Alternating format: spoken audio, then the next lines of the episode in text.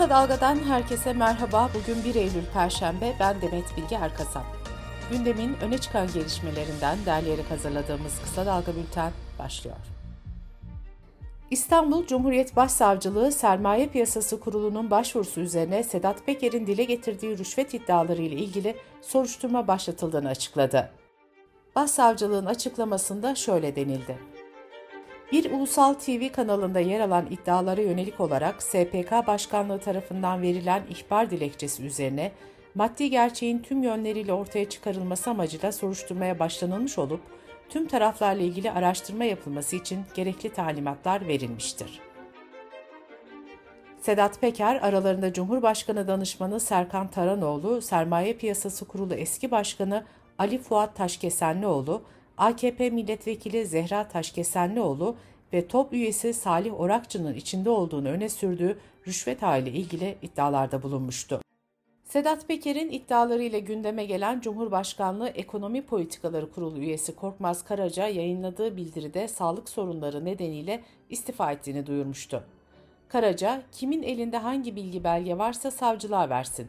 Her gün aynı suçlamalarla uğraşmaktan yoruldum diye konuştu. Ankara Cumhuriyet Başsavcılığı'nın soruşturması kapsamında hakkında yakalama kararı bulunan eski Türk Hava Kurumu Üniversitesi Rektörü Ünsal Ban, yurt dışına kaçmaya çalıştığı sırada önceki gün gözaltına alınmıştı. Hakkında eşine ait kişisel verileri Sedat Peker'le paylaştığı, tehdit ve şantajda bulunduğu yönünde şikayet olan Ünsal Ban'ın Yunanistan'da ev satın aldığı, bu sayede Golden Vize sahibi olduğu tespit edildi. Ünsalban'ın uzun yıllar yanında çalışan şoförü Ahmet K. da gözaltına alındı. Ahmet K'nın Ankara Gölbaşı'ndaki evine polis operasyon düzenledi. Ahmet K'nın eşi ve baldızının evrak ve dijital materyalleri yakarken yakalandığı belirtildi.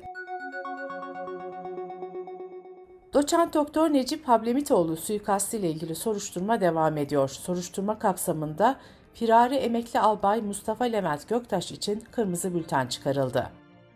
Göktaş hakkında daha önce de tasarlayarak öldürme ve suç işlemek amacıyla kurulan örgüte üye olma suçlarından yakalama emri çıkarılmıştı. Hekimler ve avukatlardan sonra Türkiye'den birçok öğrenci ve öğretmenin de yurt dışına gittiği ortaya çıktı. Öğretmen ve öğrencilerin başta Erasmus olmak üzere eğitim amaçlı gittikleri yurt dışı projelerini yarıda bırakarak iltica ettiği belirtildi. Dışişleri Bakanlığı bu nedenle Milli Eğitim Bakanlığı'nı uyardı. Sözcü gazetesinden Sultan Uçar'ın haberine göre bakanlığın yazısında şöyle denildi. Bu tür vakaların artması ülkemizin yürütmekte olduğu programların ve resmi pasaportlarımızın saygınlığı açısından olumsuz bir durum oluşturuyor.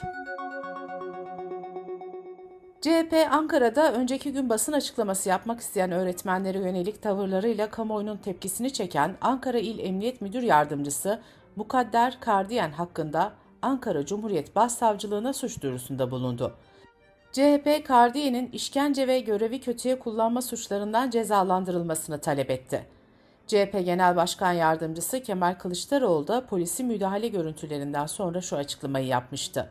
Öğretmenlere gaz mı sıktınız öyle mi? Öğretmenlere şiddet uyguladınız öyle mi? Öğretmene yapılan bu efeliği affetmeyeceğiz.''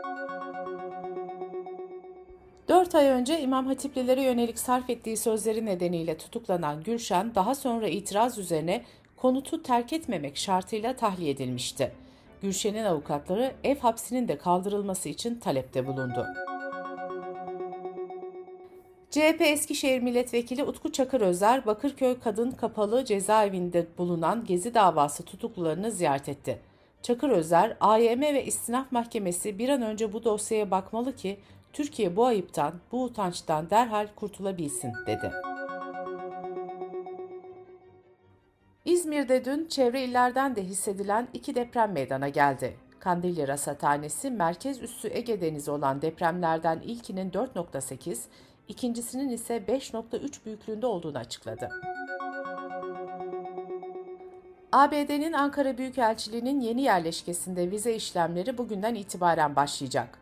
Konsolosluk İşleri bölümünden Jane Howell, vize işlemlerinin hızlandırılması için yeni yerleşkede kapasiteyi arttırdıklarını söyledi. Son dönemde ABD vizesi için bekleme süresi bir yıla yaklaşmıştı.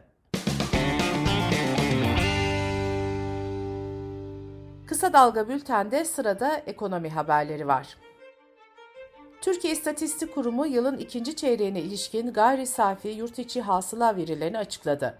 Buna göre Türkiye ekonomisi ikinci çeyrekte %7.6 büyüdü. Söz konusu dönemde beklentiler ekonominin %7,5 büyümesi yönündeydi. Büyüme rakamlarını değerlendiren Hazine ve Maliye Bakanı Nurettin Nebati, Türkiye, OECD ve G20 ülkeleri içerisinde yılın ikinci çeyreğinde en yüksek büyüme kaydeden ikinci ülke olmuştur dedi. Hava yolu şirketleri yakıta gelen zam ve maliyetlerdeki diğer artışlar nedeniyle iç hat bilet fiyatlarında tavan ücretin artırılmasını talep ediyordu. Tavan ücretlerinde artış yapıldı. Buna göre iç hat uçak bilet ücretlerinde daha önce tek yön için 999 lira olan tavan fiyatı 1150 liraya yükseltildi. Sene başında bu fiyat 599 liraydı. Euro bölgesinde Ağustos ayında enflasyon %9.1 ile yeni bir rekor kırdı. Bu Avrupa Birliği tarafından kayıtların tutulmaya başlandığı 1997 yılından beri ulaşılan en yüksek oran oldu. Eurostat verilerine göre enerji fiyatları Ağustos'ta %38.3 arttı. Gıda fiyatlarındaki artış ise %10.6 oldu. Kripto para borsası Crypto.com bir kullanıcısının hesabına 100 dolar yerine yanlışlıkla 10,5 milyon dolar yatırdı. 7 ay boyunca şirketten kimsenin hatayı fark etmediği ortaya çıktı. Parayı iade etmeyen kadına dava açıldı. Dış politika ve dünyadan gelişmelerle bültenimize devam ediyoruz. Ukrayna ile Rusya arasındaki savaş 6. ayında devam ederken yaptırımlara maruz kalan Moskova enerji silahını kullanmaya devam ediyor. Rus enerji devi Gazprom, Avrupa'nın kış için doğal gaz stokları konusunda endişe yaşadığı bir dönemde Kuzey Akım boru hattı vanasını kapattı. Gazprom'dan yapılan açıklamada daha önceden de duyurulduğu üzere hatta bakım çalışması yapılacağı belirtildi. Bu kararla Rus doğalgazını Almanya'ya taşıyan Kuzey Akım boru hattında sevkiyat 3 günlüğüne durdurulacak.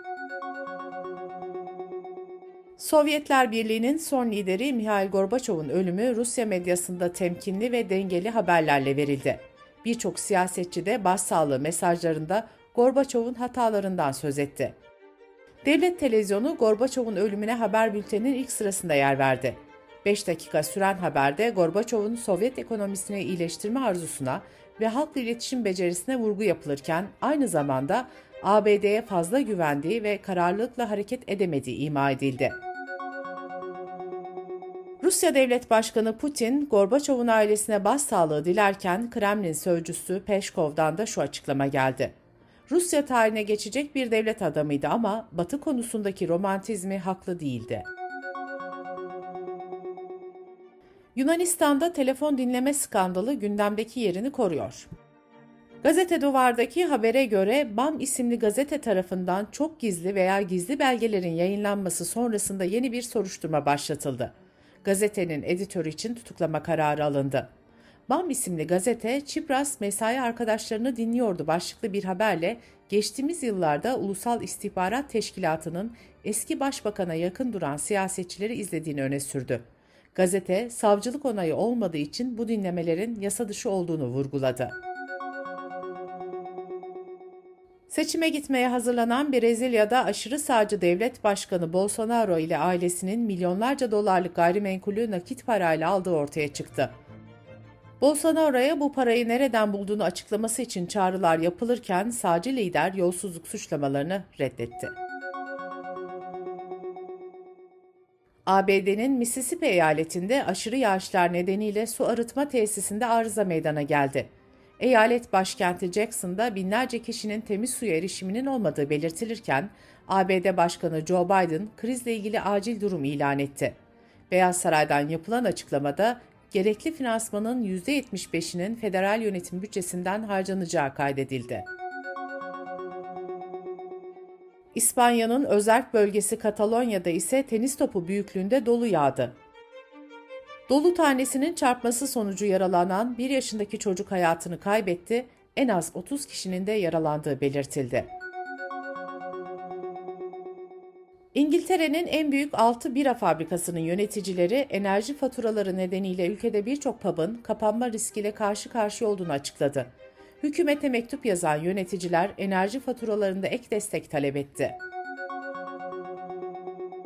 Fransa'da uydu görüntülerini yapay zeka kullanarak inceleyen yetkililer 20 binden fazla havuz tespit etti. Fransa basınına göre böylece yaklaşık 10 milyon euro vergi geliri sağlandı. Fransız yasalarına göre havuzlar evin değerini arttırdığı için emlak vergisinin de yükselmesini sağlıyor ve bu yüzden yetkililere bildirimi zorunlu.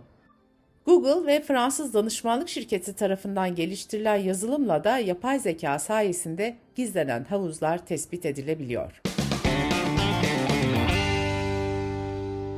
Bültenimizi kısa dalgadan bir öneriyle bitiriyoruz.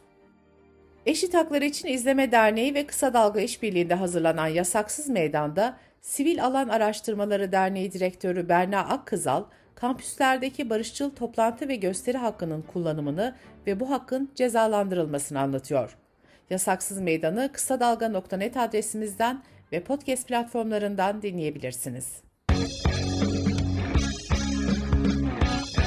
Gözünüz kulağınız bizde olsun. Kısa Dalga Medya.